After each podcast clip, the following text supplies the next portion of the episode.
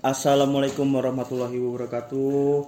Ya, Waalaikumsalam warahmatullahi wabarakatuh. Kembali lagi dengan podcast aktivis di mana pembahasannya itu mengenai aktivis eh, aktivitas ya lebih tepatnya aktivitas tentang di lingkaran kita gitu loh. Oke. eh, kemarin gua buka gas di podcastnya kita.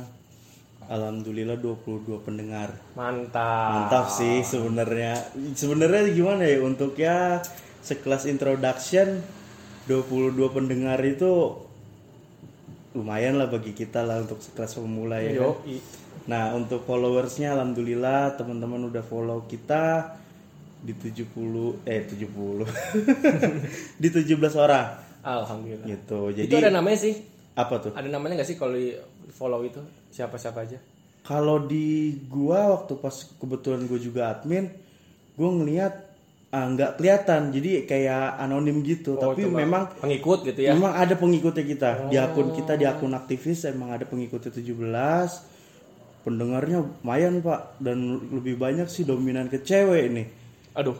dari berapa persen gitu gue lupa hitungannya berapa nanti ntar gue bakal jabarin lagi anjrit sih gue bilang maksudnya makin uh, berarti aktivis ini dibutuhkan gitu podcast ini dibutuhkan gitu ya kan seru juga sih pas gue ngeliat apa apa de- apa sih kalau seandainya presentasi itu Grafik. grafiknya grafiknya tuh lumayan mengejutkan untuk ke sekelas pemula Semoga berkah ya teman-teman. Amin. Jadi buat teman-teman aktivis kita butuh komen, butuh saran dari teman-teman. Kritik pun boleh kok. Kalau nggak ada saran juga kita terima kok. Ya.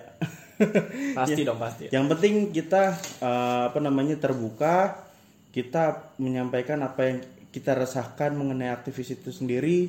Aktivis banyak makna. Nanti juga kita nyambung nih mengenai episode kedua tentang aktivis lingkungan. Gitu. Menurut lu gimana sih guys kalau aktivis lingkungan tuh di mata lu?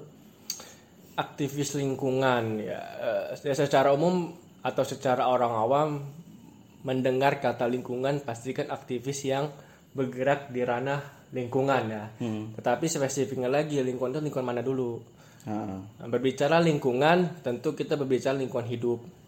Nah, dalam lingkungan hidup pun kita juga tidak boleh memisahkan ada yang namanya etika lingkungan.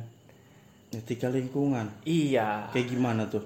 Jadi gini, hmm, etika lingkungan itu etika yang membi yang etika yang mengetikakan sebuah lingkungan hidup atau kita katakan etika lingkungan sama dengan etika ekologi. Yang mana banyak sebetulnya teori-teori yang berbicara mengenai etika lingkungan ya. Ada namanya antroposentrisme, antros antroposentrisme, ada namanya ekosentrisme, adanya geosentrisme dan lain semacamnya lah ya. Nah, itu membicarakan tentang lingkungan gitu loh. Hal pertama yang adanya teori tentang lingkungan itu antroposentrisme. Nah, ini lahir pada abad pertengahan ketika dunia itu eh, sedang gandrung-gandrungnya pemikiran-pemikiran realitisme. Karena eh, di sinilah mulai eh, manusia berangkat dari pemikiran yang dunia tahayul Iya. kepada hal yang realistis. Gitu loh. Jadi kayak animisme dinamisme beralih ke realistis gitu. ah, dia berbicara bahwasannya Tuhan pun sudah tidak eh, pokoknya Tuhan pun ti- sudah tidak banyak berkontribusi pada kehidupan manusia. Oh, nah, di sinilah pemikiran bahwasannya manusia lah salah satu makhluk yang memang mendominasi lingkungan alam. Hmm, Man, eh, manusia lah yang eh, memiliki hak dan daya untuk ini alam ini mau diapain. hmm, Jadi kebutuhan segalanya manusia untuk kepentingan manusia. Nah, itulah pada zaman eh, sekitar abad pertengahan lah ya. hmm. Nah, tetapi berjalannya teori tersebut itu ada semacam komentar ataupun dampak yang terjadi. Dampak. Contohnya gimana tuh? Karena pemikiran manusia seperti itu adanya sikap keserakahan. Oke. Timbullah sikap-sikap kesewenang-wenangan dari manusia terhadap alam, ya kan? alam semua dilakukan atas nama manusia. mengatasnamakan lebih tepatnya kayak itu Mm, jadi ke- semua kepentingan untuk manusia. Hewan dibunuh, tumbuhan dibabat-babatin, hutan dipotong-potong, semuanya dikendalikan oleh manusia. Nah, situlah terjadi semacam kelangkaan, kelangkaan hewan, kelangkaan tumbuhan, terus hutan jadi berubah menjadi perkotaan dan semacamnya.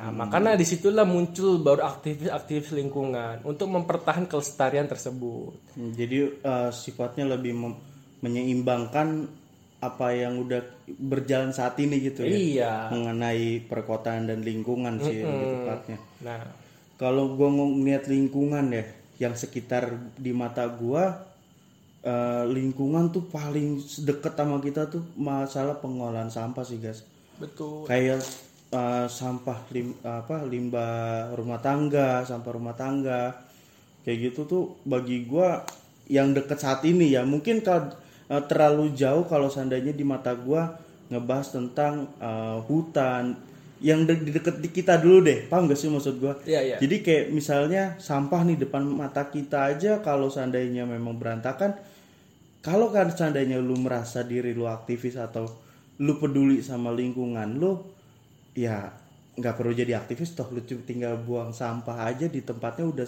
lu jadi pahlawan buat dunia ini. Lu save earth. Maksudnya lu menyelamatkan bumi ini gitu. Hmm. jadi um, kalau gua ber, ya oke lah. Mungkin kalau seandainya itu secara harfiah atau umum ya. Tapi yang gua lihat uh, aktivis juga banyak yang buang sampah sembarangan. Lah Allah. Jangan jangan lu jangan ngomong tentang keadilan. Lu adil sama tempat tinggal lu aja lu nggak adil. Kayak gitu loh. Ya lu habis mahasiswa habis demo sampah berantakan. Kayak gitu pak. Yang nggak semuanya aktivis sih. Kayak misalnya penonton apa supporter bola waktu pada sebelum covid juga kan itu pencemarannya lebih besar gitu lu kalau lu mau merasa bumi lu mau selamat atau lu mau merasa aktivis lingkungan dimulai dari hal yang kecil dulu gitu kalau seandainya memang dari hal kecil yang besar insya Allah kok pasti ke depannya juga pasti besar Ya, tentu. Mm-mm. Ya. tapi menurut lu guys lingkungan saat ini gimana guys menurut lu di pandangan lu nih Lingkungan apa nih? Maksudnya mengenai aktivis-aktivis lingkungan yang ada di sekitar lu gitu Oh. Beragam ya kalau misalkan berbicara itu apalagi apa gue mencoba harus melakukan penilaian terhadap teman-teman aktivis lingkungan tersebut. Ya, mungkin kita lebih padanya apresiasi ya. Bahwasannya eh teman-teman aktivis lingkungan gue alhamdulillah sih ya masih berada pada zona yang memang dikatakan mereka tuh aktivis oke. terbilang aktivis lingkungan. Kayak contohnya ada temen gua dia tuh membawa semacam botol kecil kayak semacam botol apa ya kayak si kecil yakul lah tapi ada tutupnya. Itu dia gunakan untuk menaruh apa namanya apa nih bekas rokok. Oh puntung. Puntung rokok. oh asbak ya? Nah, jadi rokok yang sudah dia hisap ditaruh di situ.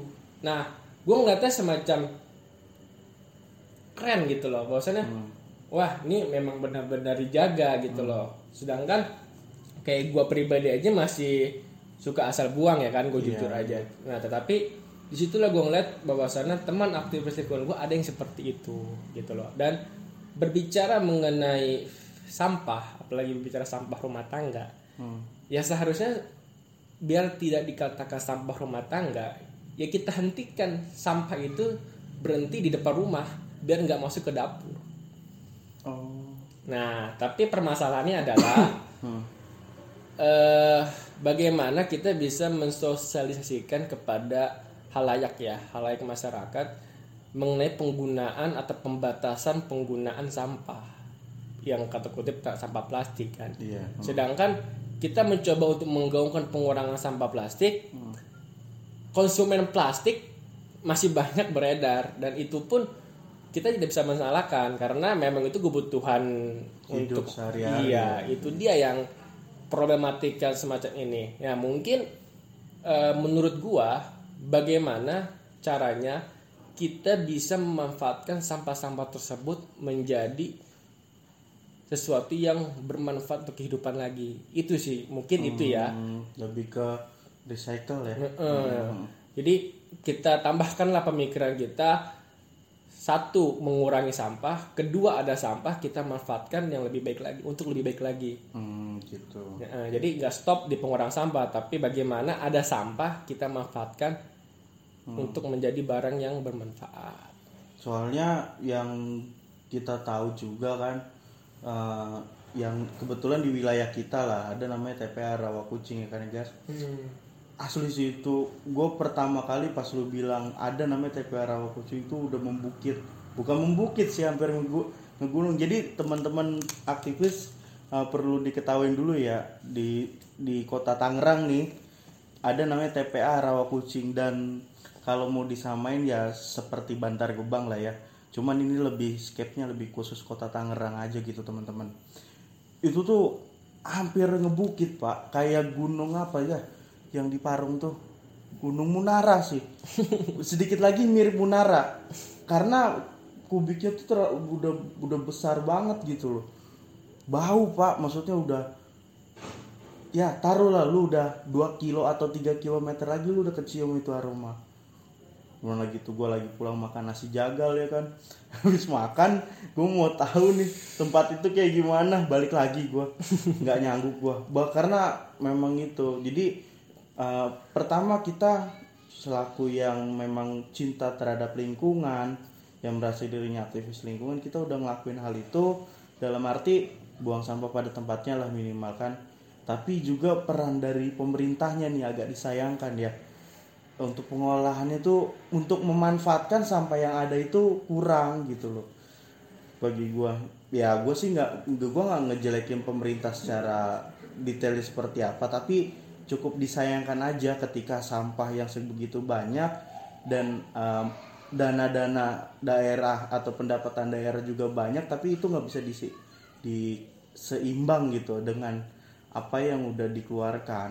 Nah, memang eh, yang gue lihat ada problematika juga dalam penumpukan sampah tersebut ya. Eh, contohnya seperti ini, Eh, pemerintah memberikan di pojok-pojok jalan itu tempat-tempat sampah ya kan. iya. Ada tiga macam kan, organik, non organik dan B3 ya. B3 Iya kan, baterai. Heeh, yang berbahaya gitulah pokoknya.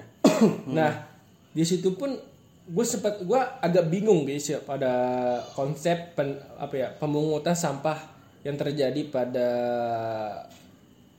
pada jalan-jalan tersebut kan? Karena masyarakat sudah mencoba untuk patuh pada setiap apa kotak sampah tersebut kan yang organik ke organik non non organik non organik dan semacamnya tetapi ketika pas pemungutan sampah itu disatuin pak Dalam satu mobil. sih, ha.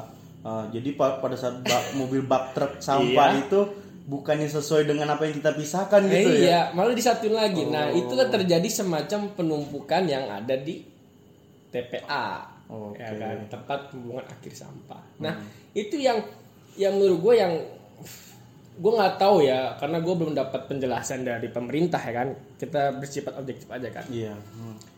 itu gimana konsepnya ketika sampai TPA sampah-sampah dipisah kembali mana organik mana non organik mana ba- B3 itu kan B3. rumit lagi kan nah itu yang, yang menurut gue gue bingung kenapa itu terjadi gitu loh kalian sudah memberikan semacam tempat untuk mengedukasi masyarakat dengan cara tiga tempat tersebut ya kan? tetapi kenapa di depan publik juga kalian mengerahkan truk-truk sampah ketika mengambil dipungut jadi satu tempat? Tempat truk yang tanda kutip ya? Iya sih. Jadi kayak sia-sia. Buat apa lu ngumpulin sampah A, sampah B, sampah C tapi ujung-ujungnya ketika pengangkutan ya gubrak aja gitu Iya. gabruk gabruk nah aja. di sana nanti dipisah lagi pak. PR lagi ya. PR lagi. Nah itu ya kalau misalkan terus menerus seperti itu yang gua rasa sih tidak akan kelar itu sampah berkurangnya. Ya kan? Kecuali kebakaran sampah ya kebakaran tempat sampah mungkin semua hangus tuh. Semua hangus sama rumah-rumah mungkin hangus nanti. Nah itu yang, yang mungkin eh, semacam PR untuk kita semua ya. Iya.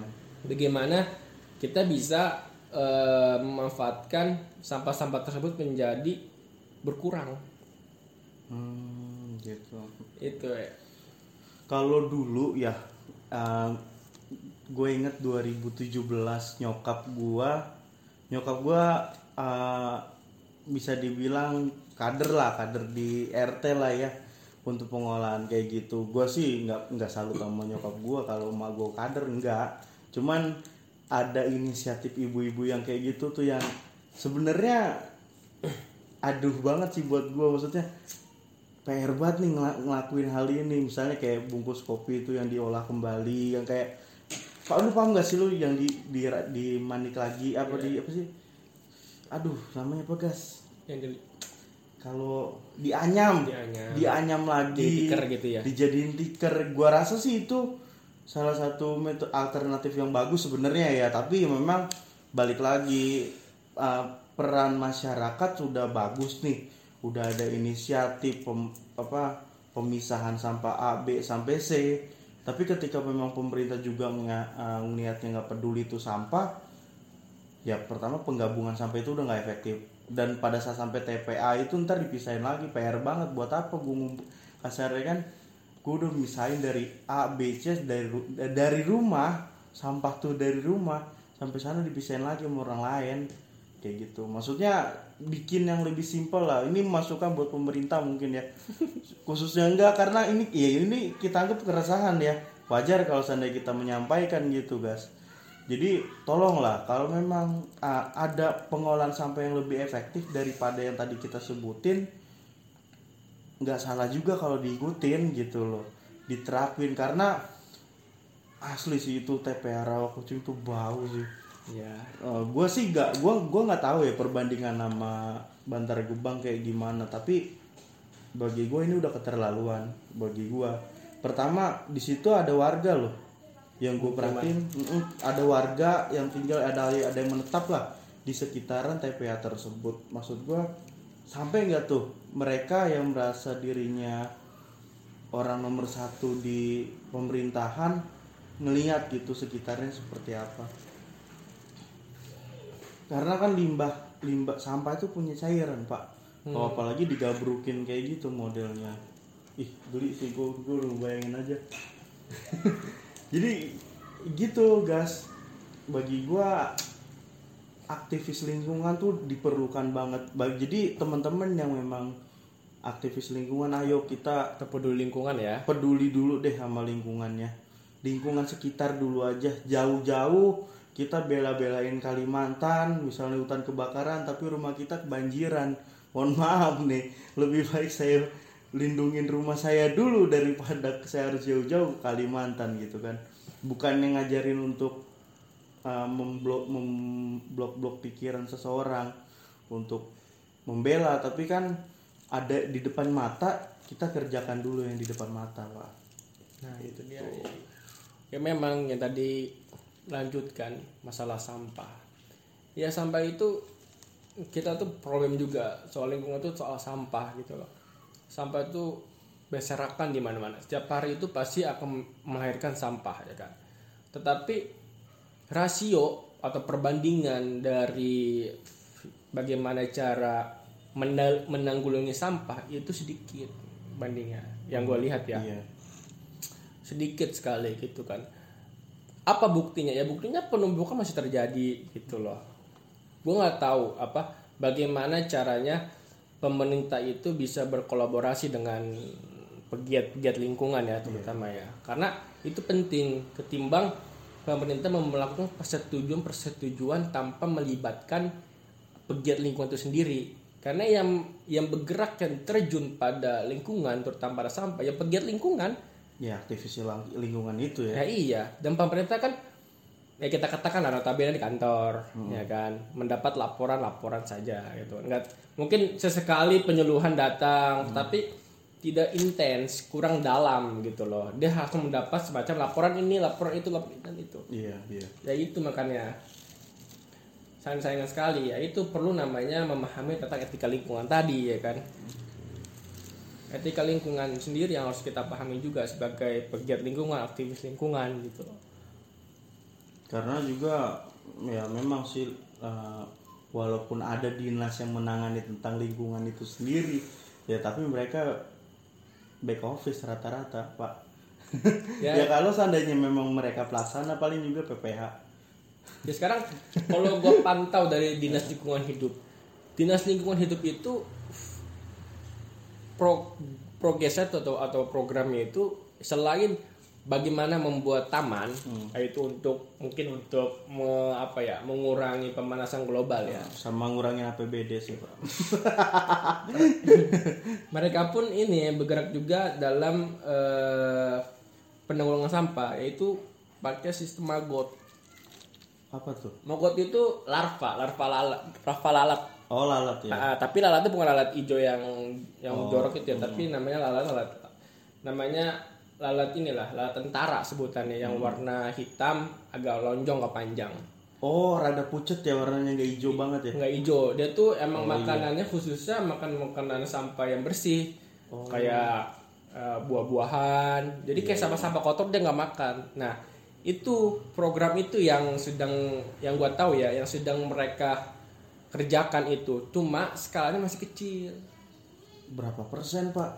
Gua nggak tahu berapa persennya baru di bagian mana di kecamatan mana dia kerjakan tapi yang gue dengar sih sudah melakukan itu sistem magot Iya. jadi kayak semacam peternakan magot juga ya Hmm. Tapi kan pada dasarnya lalat tuh suatu hal yang menjijikan sebenarnya umumnya tuh. nah tapi ini bedanya lalat lalat nggak menjijikan jadi un- untuk mancing lalat tersebut aja kita agak sulit pak Oh, itu ada semacam tekniknya jadi kayak misalkan eh, kalau mau mancing lalat tersebut ya. Hmm. biasanya itu orang tuh eh, pakai bak isinya itu sampah-sampah organik kayak buah-buahan kan? Iya iya. sama sampah buahan sayur-sayuran semuanya. Sama mungkin ada taruh-taruh semacam gandum atau apa yang ada wanginya manis-manis harum-harumnya kan? Nah itu alat itu akan datang. Yang sifatnya mengundang lah ya. Nah, beda sama alat hijau. Alat hijau kan jorok ya. Dia ada di mana-mana di selokan dan semacamnya kan? Nah ini beda alat alatnya alat khusus. Gue lupa nama nama pokoknya alat tentara ada flying soldier kalau nggak salah namanya itu hitam panjang Oh, itu yang lagi dikejar. sedang ah, sudah ada progres gue denger sih cuma masih ruang lingkupnya masih kecil belum sebanding dengan sampah-sampah yang ada di TPA Iya. Agak lamban sih ya kalau gue denger tuh. Maksudnya ya programnya sih gue nggak salahin kalau memang itu bagus silakan. Tapi kalau seandainya masih dalam tahap wacana sih ya, Ya, kita doakan juga sama-sama lah. Mm-mm. Ya, kita kita berharapnya bagus lah guys. Cuman kalau seandainya nggak dikejar juga mau sampai kapan? Hmm. Kayak gitu. Nah makanya eh, teman-teman dari kita sendirilah ya tadi lu bilang benar kan. Kita sendiri coba untuk menanamkan kedisiplinan pada diri kita untuk kalau memang tidak bisa memanfaatkan sampah lebih baik, kita kurangi sampah. Iya. Kan? Itu sih apa logikanya gitu kan. Kalau kita tidak bisa membuat sampah menjadi barang yang berguna, ya kita kurangi sampah. Oke oke. ya kan itu aja sih ya dimulai dari misalkan beli di supermarket ya kan kan suka tawarin plastik kan kalau misalkan cuma belinya beli sedikit mah gak usah pakai plastik lah ya Benar. kalau mau setiap hari kita bawa tote bag ya kan yang sering dibawa dan nggak akan jadi sampah Nah, ah, oke. Ya, i tanteng-tantengan itu lah Iya, ya. itu- Ganti plastik ya. iya kan kalau misalkan nggak kepakai kan bisa dilipat taruh di tas saku atau motor atau mobil kan bisa aja kan nggak nggak merepotkan nah, berawal dari situ dulu aja gitu Oke, oke. Iya sih, maksud gua. Tapi yang yang kayak gitu tuh mungkin bagi masyarakat luas juga kayaknya masih asing kali ya. Niat tote bag aja masih ngitung-ngitung lebih baik beli plastik. Gue pernah datang tuh ke Superindo gitu. Belanja banyak gitu ya. Dibela-belain Pak plastik sampai 10 lembar. Sampai di double-double kayak gitu. Kasarnya pas gue lihat tote bag berapa sih? Nggak, nggak nyampe goceng. Paling cuma 4000 ya 3000 lah. Rata-rata pukul rata kita 3000 lah daripada beli plastik gitu. Gue bukannya nggak setuju sama barang yang sifat nah, yang namanya plastik setuju. Cuman kalau ada yang lebih baik kenapa lu harus beli yang plastik gitu? Nah, pandangan orang itu bukan berkata atau bukan berbicara lebih baik, Oh, tapi lebih praktis. Hmm, Ya simple kan? lah ya Simple. ibaratnya. Jadi ya itu pemikiran-pemikiran praktis tersebut yang mendahului kenapa dia harus milih plastik ketimbang tote bag.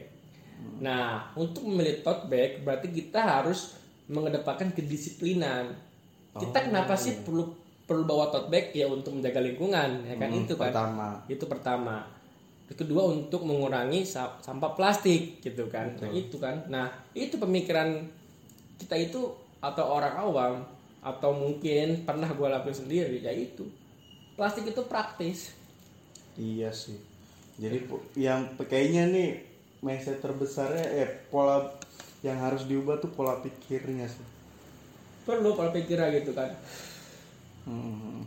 Karena kita yang sekarang ini yang masih hidup ketika kita terus menerus menggunakan sampah plastik kita mungkin nggak akan merasakan dampaknya itu seperti apa tetapi kita nggak tahu ketika generasi penerus mungkin kita punya anak kita punya cucu kita aja dampak dari masa lalu Hmm. Kita korban dari masa lalu juga. nah apalagi nanti generasi kita dampak dari masa lalu dari kita dan dari sebelum kita itu yang terjadi Tetap begitu aja tuh circle-nya tuh Nah. kalau seandainya pola pikirnya kayak gitu, ya lu udah nggak bakal bisa ngubah rantai. Jadi kayak si ya ibaratnya rantai makanan dah lu. iya itu siklusnya begitu Hmm. Nah, nah makanya pelan-pelan. Ya, kita tidak bisa menyadarkan satu oh, sekian banyak ya. Enggak. Setidaknya ketika kita lagi nongkrong, di ngopi atau apa, kita pelan-pelan lah mengkampanyekan mengurangi sampah plastik. Bukan berbicara ini klasik, tep- tapi ini emang masih terjadi. Masih terjadi dan Iya. Dianggapnya kuno banget sih Iya. sebenarnya ya. Ter, aduh plastik harus dikurangi gini-gini ya. Tapi kalau lu nggak mulai dari plastik, mau dari mana? Nah, iya. Gitu. Contohnya sedotan, sedotan kan Iya. Udah banyak ya sedot sedotan dari bambu, banyak dari stainless. stainless, Iya. iya. Ya, kasarnya lu korbanin 15.000 ribu buat beli yang stainless lah. Lu bisa pakai seumur hidup. Kalau seandainya lu juga rajin. Heeh. Gua akhirnya beralih tuh namanya sedotan gua udah nggak mau pakai lagi. Ya kalau seandainya gua misalnya makan di tempat lain gitu yang memang masih menyediakan sedotan, ya nggak salah juga kan kalau seandainya gua langsung buang ke tempat sampah. Enggak juga, apalagi kalau mi- kalau misalkan sedotan itu sudah taruh di gelas ya. Iya. Ya setidaknya untuk kita tidak menggunakan kita nggak usah sedotan. Heeh. Nah tapi kalau misalnya sedotan kan kadang masih diplastikin tuh ya. Iya, masih keadaan packaging Iya, packaging ya udah gitu jangan dibuka. Iya, taruh aja sebelah. taruh aja. Bener sih kalau gua kalau udah mulai ya minimal nerapin dalam hidup gua dulu deh. Gitu. Tapi kalau seandainya memang teman-teman yang yang teman-teman aktivis punya power di luar kalau memang bisa mengerahkan lebih bagus sih. Betul. Karena peng- pengaruh besar itu ya teman-teman sendiri yang merasa memang punya power besar Betul. gitu tapi nggak salah juga untuk teman-teman yang cinta akan lingkungan peduli akan lingkungan kalau memang bisa dimulai dari sendi- diri sendiri itu lebih bagus daripada nggak ngapa-ngapain Betul. gitu mungkin ke depannya nih guys nih kita perlu namanya eh, tambah satu orang lagi nih. Maksudnya buat jadi wawasan kita tuh nggak kiri doang nih. Maksudnya ada kiri kanan ada dua arah gitu loh. Jadi yang memang bener real ak- aktivis lingkungan yang memang udah ngejalanin ke sana kemari Hmm. fakta di lapangan lingkungan tuh seperti apa. Next time sih teman-teman kita bakal Undang ya. undang kita bakal undang kita bakal ngobrol bareng. Gimana nih? Mungkin ada solusi bagus ya. Kalau nggak ada solusi ya didengerin aja udah. Bukan berarti bukan berarti podcast kita tuh menghasilkan solusi loh. Ini cuma penyampaian keresahan kalau ada solusinya bagus ya. Kalau ada solusinya teman-teman bisa ituin lah bisa pakai. Ya kan kita, kita kan fokus kita itu menguraikan kan, Nah, menguraikan problematika yang ada, yang kita lihat ya. Mungkin saja teman-teman yang yang mendengar podcast ini ataupun nanti yang diundang memiliki uraian terbaru dibandingkan kita ya kan. Iya. Ya itu yang terjadi di dialektika. karena referensi itu perlu pak Tentu. kita nggak bisa berbicara dua arah seperti ini terus tapi tidak ada uh, sumber yang valid juga gitu dalam hal bentuk seseorang pemateri lah minimal gitu loh Jadi eh, teman-teman mungkin eh, podcast kita kali ini mengenai lingkungan kita bisa next lanjut di episode ketiga yang lebih ada pematerinya mungkin nggak pemateri kayak bintang tamu lah. Gue nyebutnya bintang tamu terlalu racing banget. Apa ya nyebutnya ya? Ya nanti kita undang teman kita yang memang merasa aktivis di lingkungannya lah. Kayak gitu. Kita undang teman kita aja lah guys si bate ya bukan bintang tamu. Kalau bintang tamu tuh terlalu entertain banget gitu. Enggak kita nggak ada entertain jadi kita di sini eh, murni atas pemikiran kita keresahan kita kita sampaikan nanti insya Allah dari episode 2 mengenai aktivis lingkungan kita undang eh, teman-teman kita yang memang pernah terjun di lapangan mengenai lingkungan itu sendiri. Siap. Oke, mungkin itu aja dari kita teman-teman Oke. eh, podcast aktivis di Spotify. Selamat malam. Mungkin sorry ya teman-teman mau denger eh, mungkin pendengarnya juga nggak malam tapi kita dari malam hari udah kita udah record. Jadi eh, stay tune Eh, kalau bisa di share, di komen, kasih apa pun yang yang memang merasa keresahan teman-teman juga buat podcast ini sampaikan aja. Nanti ntar bakal kita bacain kok. Oke? Siap. Terima kasih semuanya teman-teman. Assalamualaikum warahmatullahi wabarakatuh. Waalaikumsalam warahmatullahi wabarakatuh.